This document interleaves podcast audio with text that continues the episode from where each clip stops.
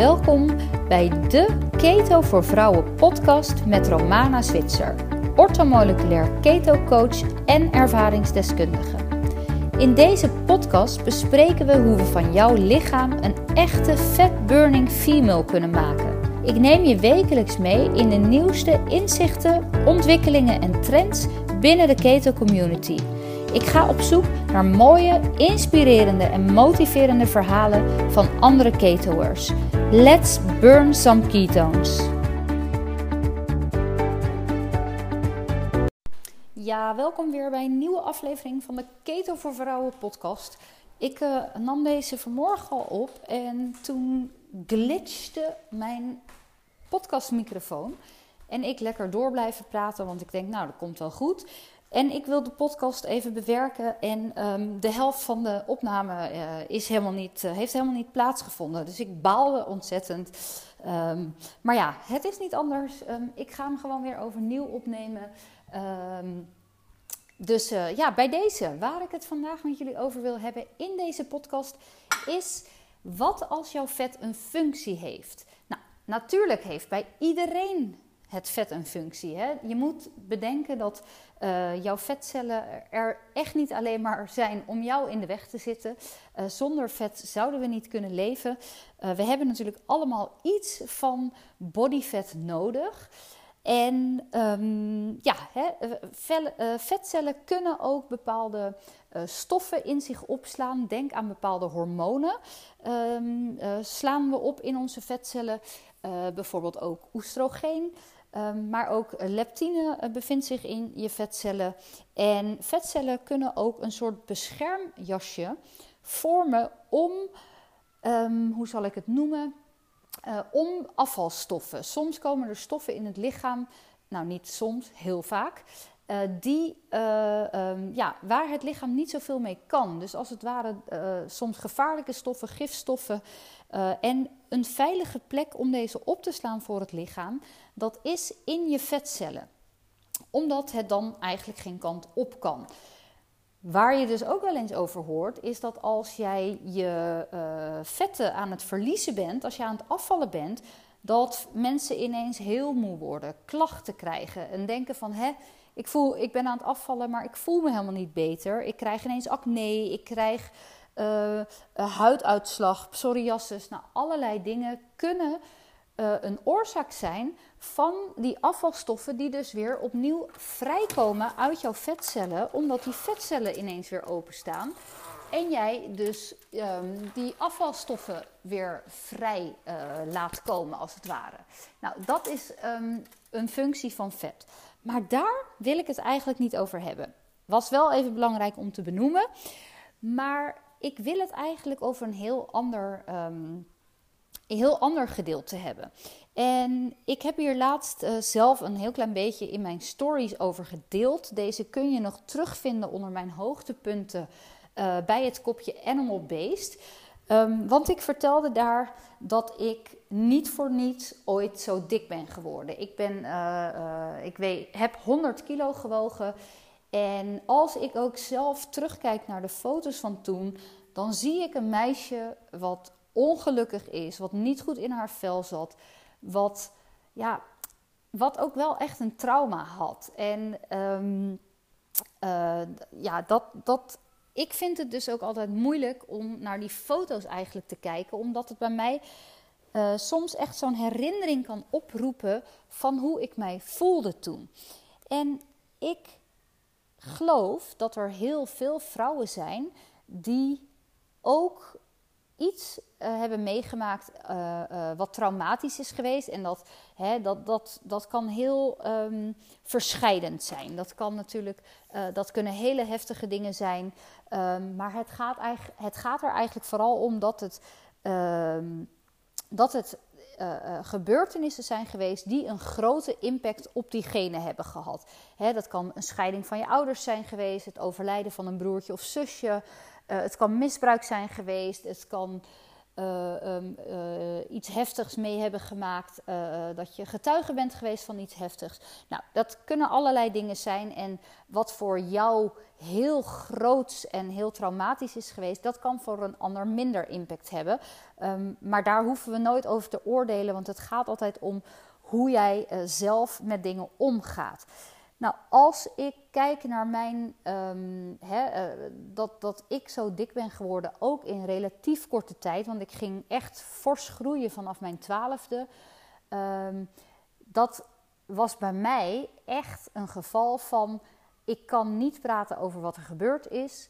Um, dus ik eet alles weg, omdat de gevoelens die, die ik daarover heb, die zijn zo onaangenaam en als ik eet, dan demp ik die gevoelens. Nou, in mijn geval was het ook vooral het uh, eten van ongezonde koolhydraatrijke uh, snoep, kaas, koekjes.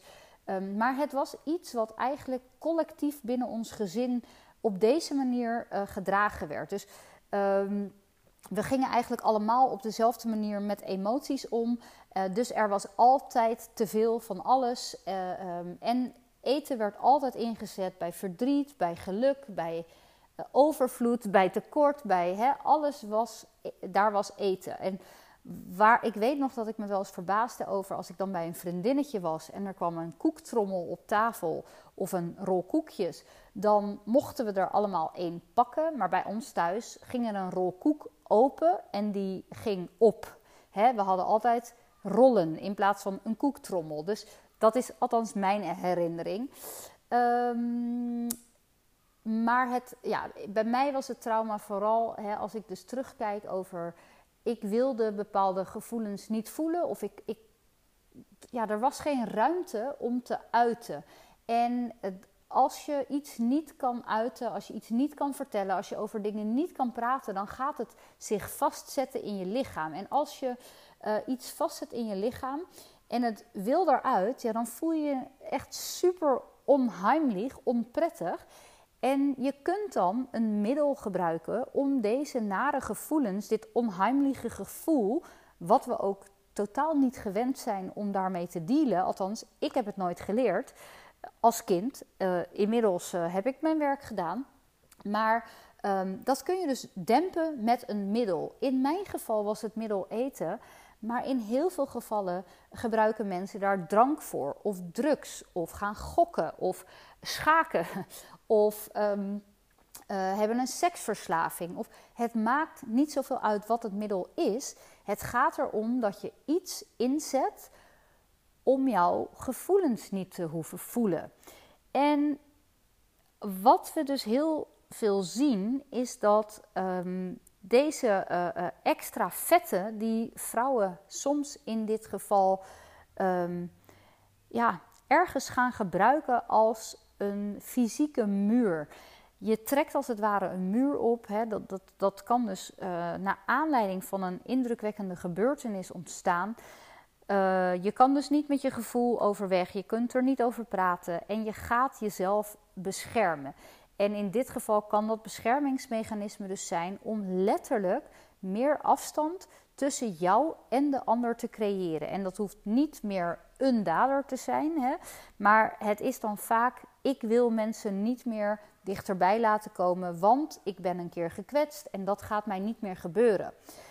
Dus in deze zin, een soort hele lange inleiding, gaat het even hier over dat als jouw vet nou een functie heeft. Dus wat gebeurt er dan als jij wil gaan afvallen? Nou, in heel veel gevallen lukt het deze vrouwen dus niet. En dat is meestal op het moment als jij dus geen inzicht hebt in dat voor jou eigenlijk jouw vet een functie heeft. En als je daar wel op een gegeven moment inzicht in hebt, dan is het nog steeds niet makkelijk, maar dan gaan er wel wat dingen veranderen.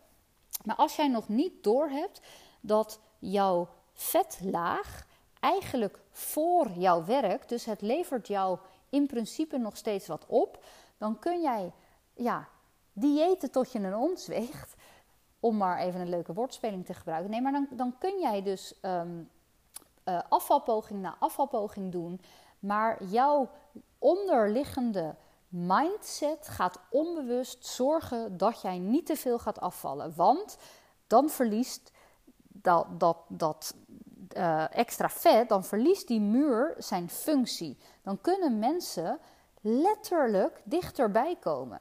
En zodra, um, ja, zodra er soms dus een bepaald gewicht wordt bereikt of een bepaald aantal kilo afgevallen is, dan trek je als het ware weer die muur omhoog. Dan ga je jezelf weer saboteren.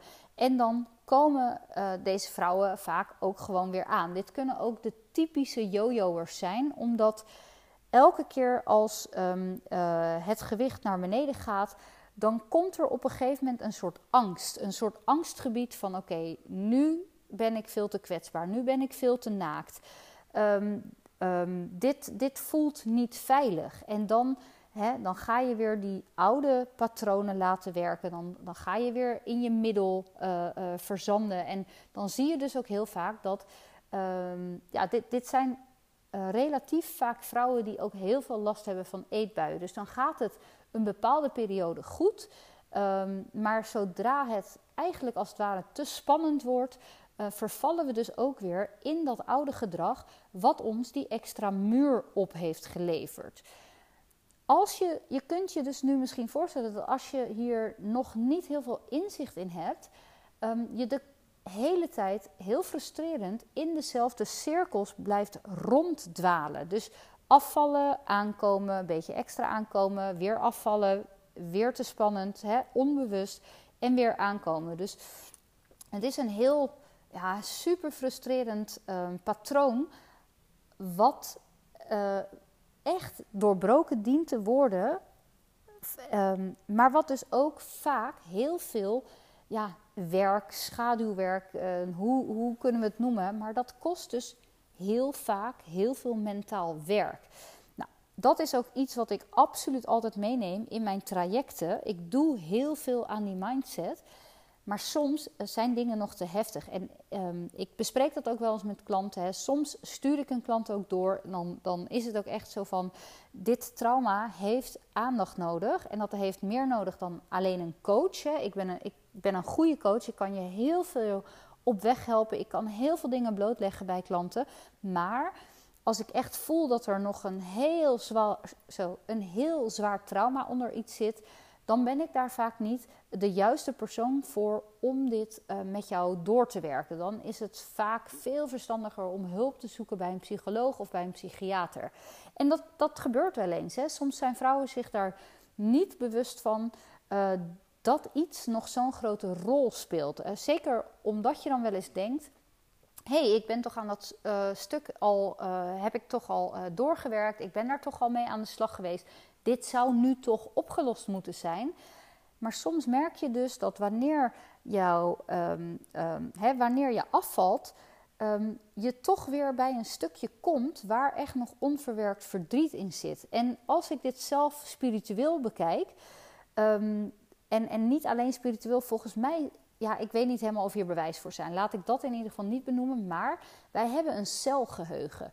En wij slaan onder andere herinneringen op in onze cellen. En soms kan het dus zijn dat als jij afvalt en um, die cellen hè, die gaan openstaan, dan kan het dus soms zo zijn dat oud zeer als cell memory naar buiten komt. Dus dingen die je weg hebt gestopt, kunnen dan ineens weer aan de oppervlakte raken bij het afvallen. Dus op die manier kan het verschillende um, kanten opwerken.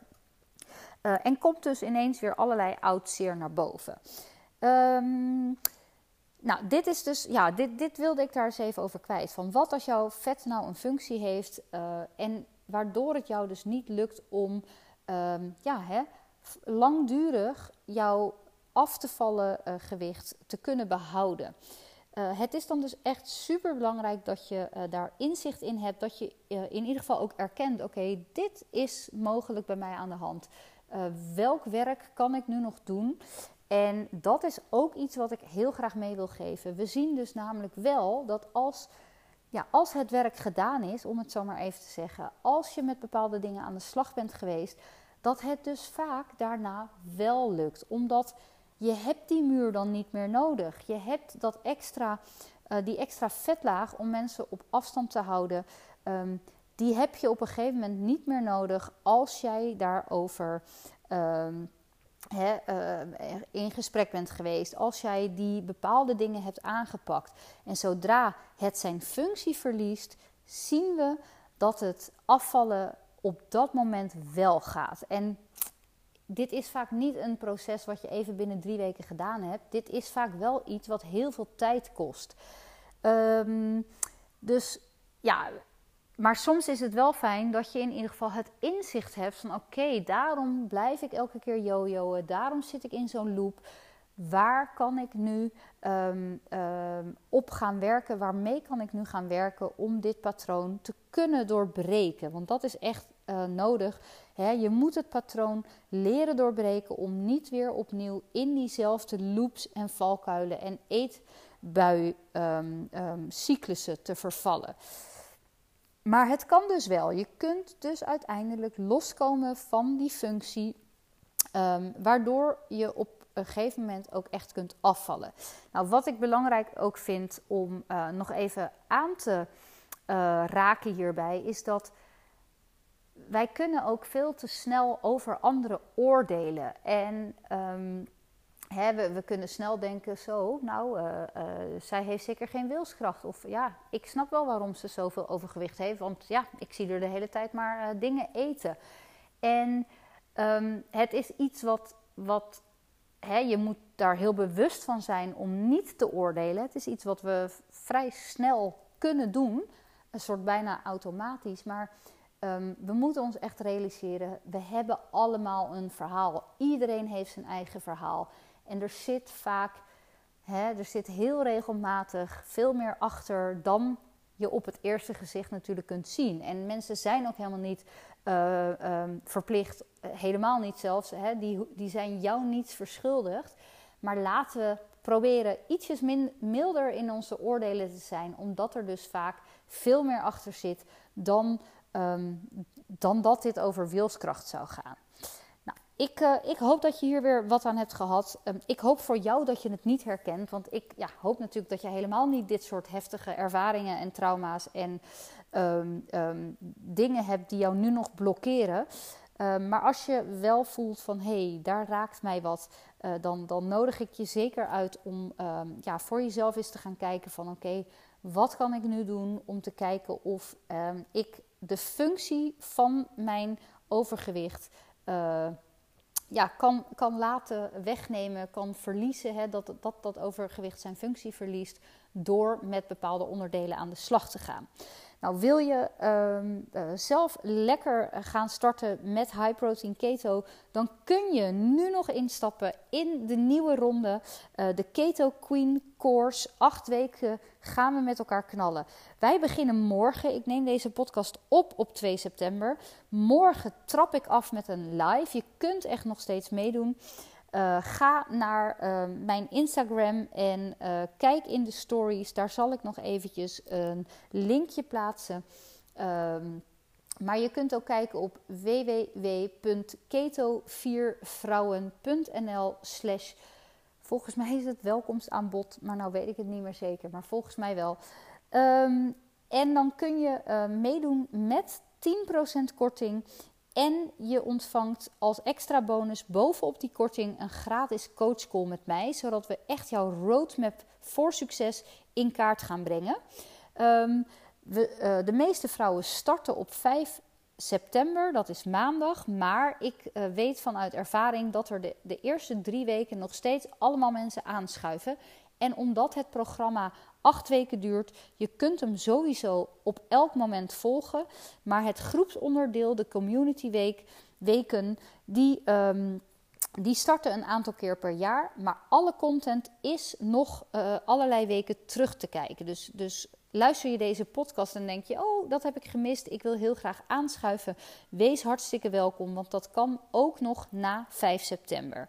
Voor vandaag wens ik jullie een hele mooie rest of your day en tot de volgende podcast. Dankjewel dat jij weer hebt geluisterd naar de Keto voor Vrouwen podcast. Ik hoop dat deze aflevering jou weer onwijs gemotiveerd en geïnspireerd heeft voor jouw eigen keto journey. Heb je vragen of suggesties naar aanleiding van het onderwerp uit deze aflevering? Schroom dan niet om mij te mailen. Dat kan via info@romanazwitser.nl, waarbij Zwitser gespeld is met een S vooraan en een Z in het midden. Je zou me ook een berichtje kunnen sturen via Instagram en daar ben ik te vinden onder romanazwitser.nl. Denk je dat er andere keto-vrouwen in jouw omgeving ook baat kunnen hebben bij de afleveringen uit de Keto voor Vrouwen podcast? Schroom dan vooral niet deze afleveringen te delen of een review achter te laten. Wil je zelf starten met keto? Kijk dan eens op www.ketovoorvrouwen.nl waarbij voor gespeld wordt met een 4. En daar kun je informatie vinden over mijn online programma. In dit programma leer je in 12 weken die echte fatburning female te worden met een gedegen achtergrond, met goede informatie, met weekmenu's, met alles wat je nodig hebt om van jouw keto journey een succes te maken. Nogmaals, dank voor het luisteren en heel graag tot de volgende keer. Een aantal disclaimers. Deze podcast is bedoeld als inspiratiebron. De luisteraar is altijd zelf verantwoordelijk voor het nemen van adequate beslissingen met betrekking tot de eigen gezondheid. Twijfelt u daaraan? Slikt u medicijnen of bent u onder behandeling van een arts of specialist? Overleg dan altijd met hen voordat u aan de slag gaat met enige leefstijl- of voedingsveranderingen, welke dit ook zijn. De informatie in deze podcast is nimmer bedoeld als vervanging van diensten of informatie van getrainde medisch professionals en of zorgverleners. De podcast is zo opgesteld dat de informatie vaak gericht is op afvallen en het verhogen en versterken van de gezondheid. Nimmer is Romana Zwitser aansprakelijk voor eventuele fouten en of onvolkomenheden, noch de gevolgen hiervan. Deze disclaimer geldt ook voor alle gasten die in deze of volgende podcast aanwezig zullen zijn. Bedankt voor het luisteren en tot de volgende keer.